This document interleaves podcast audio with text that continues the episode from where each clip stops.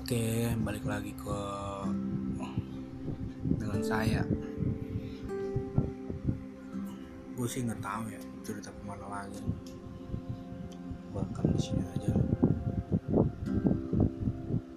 Mula, oke. Gue nggak tahu gue disebut indigo apa orang aneh lah. Yang gue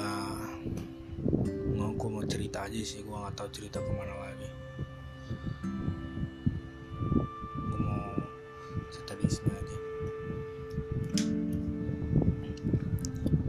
kali gue ngeliat itu di umur ngeliat malu gaib gitu hantu-hantu gitu di umur 7 apa 6 tahun gitu.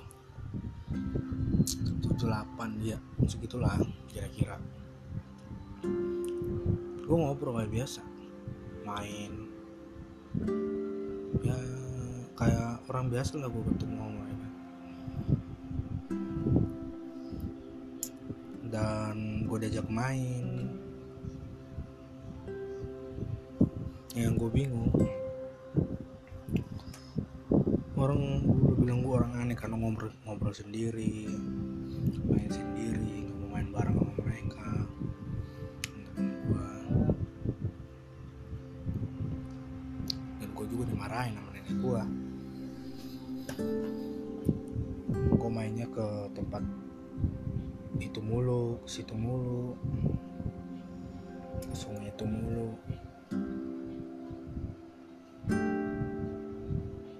Gue ngobrol kayak biasa main kayak biasa. Ngopi dimarahin. Nggak ada temanmu di situ. Nenek gue dan anehnya tuh mereka selalu muncul jam 6 sore. Selalu ngajak gue main ke situ makanya nenek gue marah kali ya. Jauh dari permuka jauh dari permukiman sungai yang dalam lagi ini sungai yang dalam. Ini itu kali takut nenek gue makanya marahin. Itu mereka nggak ada. Itu ngapain kamu situ? Selalu digituin. Gue tetap main sama mereka dan kalau diajak gue bilang main di rumah aja. Gue nggak tahu ya nenek gue bisa lihat atau enggak. Ini seumuran gue waktu gue kecil ya, ya biasa. Nggak ada serem-seremnya. Dan gue bingung juga sih. Ini dari ini yang bisa gue bisa ngeliat dari keturunan atau dari mana gitu. Gue juga bingung. Gue bingung harus cerita ke siapa. Nah karena gue sering main ke situ gue dimarahin. Dan terus gue kan tinggal sama nenek gue karena mungkin nenek gue takut kali gue ke bawah arus sungai itu kan dalam.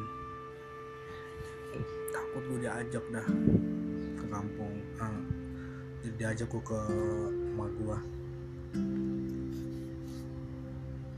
ajak ke sono kampung gue dulu dulu kan tinggal di Siantar gue diajak ke tebing tebing tinggi. Situ dekat rumah eh, emak gue nah emak gue itu ngerantau. Ternyata nggak di kampung itu. Yang gue tahu sih selama ini dari Siantar gue di tebing tinggi emak gue kata enggak dia ngerantau. Yang gue masih nginap di situ. Gue balik lagi dong. Siantar kan.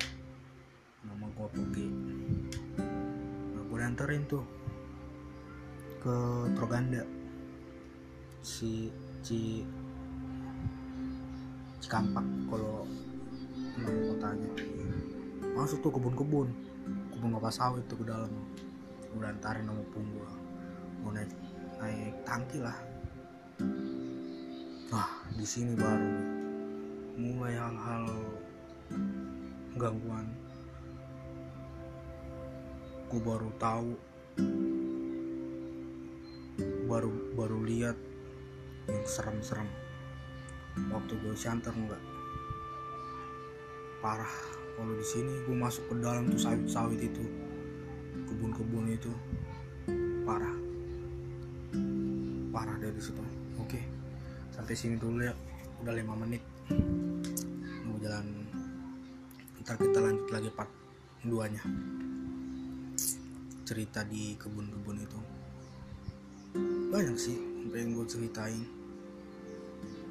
Satu-satu teman-teman gue tapi gue cerita dulu lah kisah hidup gue di sini.